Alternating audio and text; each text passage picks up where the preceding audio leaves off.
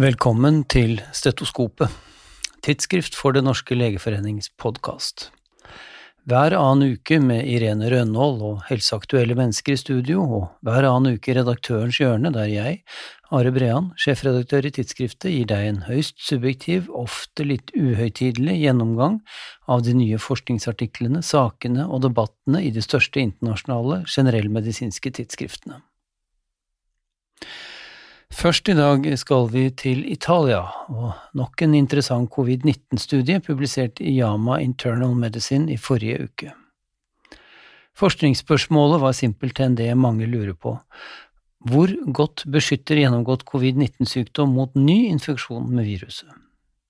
For å finne ut dette benyttet forskerne resultater fra pasienter som under den første fasen med covid-19 i Italia, fra februar til juli 2020, fikk utført en PCR-test. Pasienter i alle aldre ble inkludert og gjennomgikk til sammen 122 000 PCR-tester for covid-19. Forekomsten av covid-19-infeksjon ble sammenlignet mellom gruppen som allerede hadde gjennomgått infeksjonen, og gruppen som ikke hadde det. En reinfeksjon ble definert som en ny infeksjon minst 90 dager etter symptomfrihet fra første infeksjon og med minst to mellomliggende negative PCR-tester. Forskjellen i infeksjonshyppighet mellom de to gruppene var slående. Forekomsten av infeksjon var én per 100 000 persondager i gruppen som hadde hatt en tidligere covid-19-infeksjon, og 15 ganger så høy i gruppen som ikke tidligere hadde vært infisert. Tidligere infeksjon ser altså ut til å beskytte meget godt mot ny infeksjon med koronaviruset. Men det er likevel grunn til å advare, skriver Michelle Katz i en korresponderende lederartikkel. For det første vet vi ikke, ut fra denne studien, hvor lenge immuniteten varer, og for det andre vet vi ikke om infeksjon med det opprinnelige viruset, som det her er snakk om, også beskytter mot andre og nye varianter av viruset, som er de som dominerer i store deler av verden nå som andre har påpekt før. Å oppnå flokkimmunitet gjennom naturlig infeksjon er en lang og smertefull prosess, og historisk sett ble som kjent den eneste infeksjonssykdommen hos mennesker som har blitt utryddet, nemlig kopper, utryddet gjennom vaksinering, ikke gjennom naturlig immunitet. Og siden vaksinering pluss gjennomgått naturlig infeksjon sannsynligvis er den beste beskyttelsen mot sykdom, bør alle oppfordres til å la seg vaksinere, også de som tidligere har gjennomgått infeksjon. Jeg refererer ofte til artikler publisert i British Medical Journal her i redaktørens hjørne. Men det motsatte, altså at British Medical Journal refererer til artikler publisert i Tidsskrift for Den norske legeforening, hender ikke så ofte. Men nå er kanskje trenden i ferd med å snu. Studien til Torgeir Brun Wyller og medarbeidere om de første 100 dødsfallene etter covid-19-vaksine hos sykehjemspasienter, som vi publiserte 19. mai i år i tidsskriftet, har vakt mye oppmerksomhet. Nå er den også omtalt i en artikkel i British Medical Journal. Eh, Pfizer-Biontech-vaksinen er sannsynlig årsak til minst ti av dødsfallene, er vinklingen i artikkelen, som har med uttalelser fra vaksineprodusenten selv, så vel som intervju med Sigurd Hortemo i Legemiddelverket og Geir Bukkholm ved Folkehelseinstituttet. Og fra norsk covid-19-forskning omtalt i British Medical Journal skal vi over til dansk covid-19-forskning publisert i British Medical Journal. For nasjonale danske helseregisterdata for hele pandemiperioden til og med januar 2021 er blitt brukt i en studie som hadde som mål å finne insidensen av sykehusinnleggelser og assosierte mortalitetsrater for alle ikke-covid-relaterte tilstander i denne perioden. De nasjonale dataene ble sammenlignet med tilsvarende data fra perioden før mars 2020. Forekomsten av sykehusinnleggelse for ikke-covid-19-relatert sykdom falt dramatisk i pandemiens første fase. Fra 2004 til 143 eh, per 100 000 innbyggere per uke, for deretter å stige langsomt, men holdt seg i hele perioden lavere enn i månedene før eh, pandemien og mortalitetsratene for ikke-covid-relatert sykdom var gjennomgående høyere i hele perioden og på tvers av alle sykdomskategorier.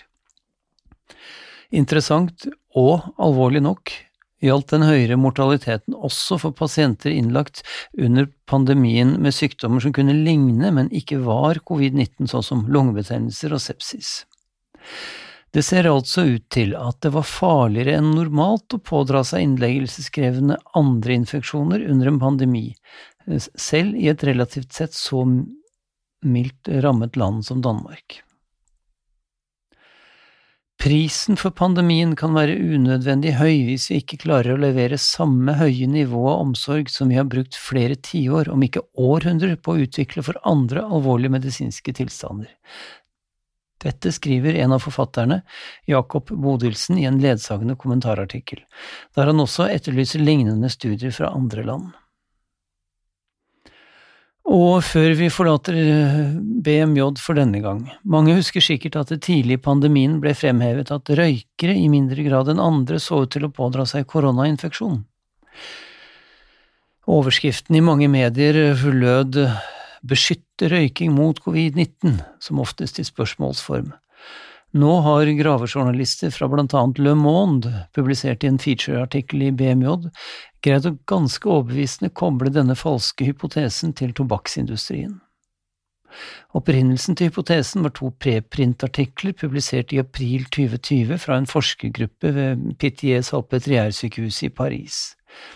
Forskerne fant at bare 5% av koronapasientene var røykere, og lanserte en hypotese om at nikotin virket på ACE2-reseptoren, som regulerer virusets adgang til kroppen. Nikotinsubstitutter kan derfor være en effektiv behandling mot sykdommen, argumenterte forfatterne. Det var et budskap som passet tobakksindustrien godt, og som altså ganske effektivt ble spredd over hele verden. Smoke fags, save lives var blant overskriftene som ble brukt i generelle medier. Men flere av forfatterne bak de mange vitenskapelige preprints og artikler som eh, utviklet og spredde denne nikotinhypotesen knyttet til covid-19, har altså dokumenterbare bindinger til nettopp tobakksindustrien.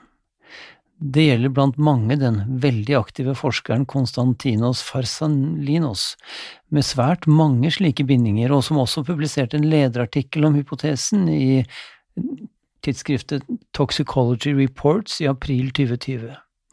Det gjorde han for øvrig sammen med Wallace Hayes, som har vært medlem av Philip Morris sin internasjonale vitenskapskomité, og som er mangeårig betalt konsulent for det samme selskapet. Og for de som måtte tro at dette bare handlet om å promovere sigarettrøyking, de store tobakksselskapene snur som kjent mer og mer av sin forretningsmodell mot en annen og like avhengighetsskapende uvane, nemlig e-sigaretter. Disse utgjør nå hele 19% av for eksempel Philip Morris sin totale omsetning. Ingen røyk uten ild her heller altså, men mer og mer profitt uten røyk som tobakksindustrien nå er i ferd med å skaffe seg, i tillegg til sin vanlige og rykende røykeprofitt. Og dermed har vi en smidig overgang fra dagens covid-19-artikler og til andre temaer, for uh, The Lancet har nylig publisert en artikkel fra The Global Burden of Disease-samarbeidet, som estimerer prevalensen av nettopp tobakksrøyking og tilhørende sykdomsbyrde i verden. Forekomsten av røyking har siden 1990 blitt redusert med hele 27,5% hos voksne menn og 37,7% hos voksne kvinner. Men på grunn av befolkningsveksten har likevel totalantallet røykere gått opp fra 990 millioner i 1990 til 1,14 milliarder i 2019. Jeg beklager, begge tall i milliarder, selvsagt. Uansett, til sammen røyket disse samme mennesker 7,4 billioner sigaretter. Og røyking var ansvarlig for 7,7 millioner dødsfall, og er dermed den ledende dødsårsaken blant menn. På grunn av befolkningsveksten er forekomsten av sykdom og død på grunn av røyking forventet å stige ytterligere i årene som kommer, dersom ikke enda flere tiltak for å hindre røyking globalt settes inn. Denne helsekrisen må stoppes, skriver Alan Blum og Ransom Eek i en ledsagende kommentarartikkel i The Lancet. Forskningen og dokumentasjonen av skadevirkningene er allerede overveldende, skriver de, men myndigheter over hele verden kvier seg for mer forbud. For å stoppe dette må vi derfor glemme både universiteter, lovgivere og helsemyndigheter. Nei, det er helsearbeiderne selv som må gi topp prioritet til arbeidet for røykestopp, og som må sørge for at vi nå slutter å bruke pengene på mer forskning, vi vet nok allerede, men heller bruke pengene på harde, effektive kampanjer for røykeslutt. Selv om jeg skjønner budskapet til eh, Blum og Eek, er eh, dette faktisk den eneste artikkelen jeg kan huske å noensinne ha lest i et vitenskapelig tidsskrift som går inn for mindre forskning på et felt. Og mens røyking er nettopp så farlig som de fleste skal ha det til, er gluten neppe så farlig som visse bloggere og selvbestaltede helseguruer skal ha det til. Det understreker en originalartikkel publisert i Yama Network Open nylig. Forskerne hadde ernæringsdata fra 1991 til 2015 på noe over 13 000 friske amerikanske kvinner som deltok i den store Nurses Health Study 2. Som ledd i studien hadde de også data fra kognitive testbatterier hos de samme kvinnene i 2014 og 2019. Dermed kunne de sammenligne grad av gluteninntak helt fra 1991 med kognitive data nesten 30 år senere. Det var ingen sammenheng mellom totalt gluteninntak fra 1991 til 2015 og de mange målene på kognitiv funksjon i 2014 og 2019. Og dermed ser altså moralen fra Torbjørn Egners grønnsaksspisevise ut til fortsatt å holde stikk. Du kan trygt spise knekkebrød ved siden av grønnsakene dine. Mens vi først er i gang med longitudinelle data og kognitiv funksjon. Det ser ut til at svært lav fødselsvekt samt svært for tidlig fødsel er assosiert med en klinisk relevant lavere IQ-score i voksen alder. Dette konkluderes det med i en metaanalyse av åtte kohortstudier fra syv ulike land, nylig publisert i Yama Pediatrics. Studiene brukte fullskala IQ-tester og korrigerte for mulige confoundere som mors utdanningsnivå, som for øvrig også var en selvstendig risikofaktor for lav voksen-IQ hos barnet.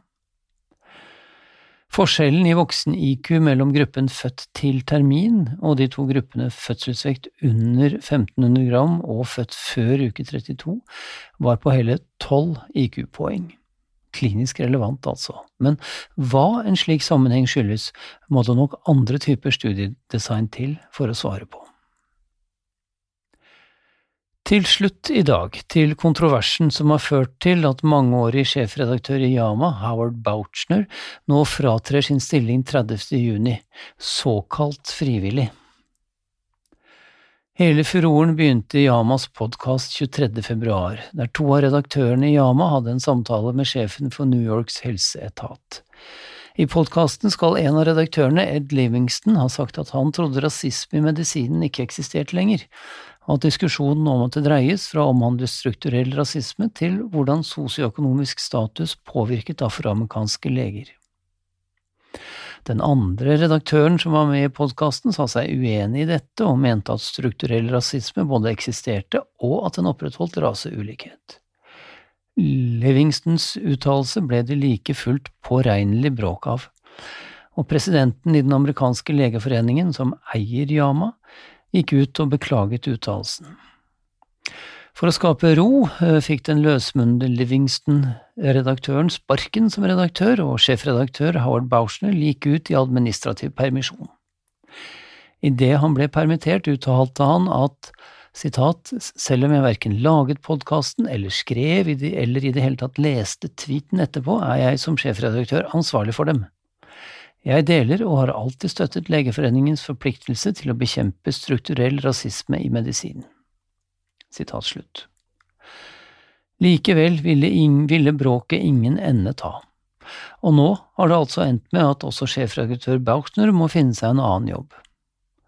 Alle hans redaktører har skrevet en nærmest rørende avskjedshyllest til ham i form av en lederartikkel i Yama, publisert denne uken, der de blant annet fremhever hans arbeid mot rasisme og for økt diversitet i forskning og publisering. Og moralen i denne historien? Jo, at medisinske redaktører må lære seg å holde tann for tunge. Med det avslutter jeg ukens Redaktørens hjørne, Men lite har jeg sannsynligvis lært, for jeg har tenkt å komme tilbake med mer om 14 dager.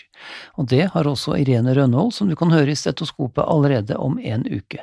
Michels.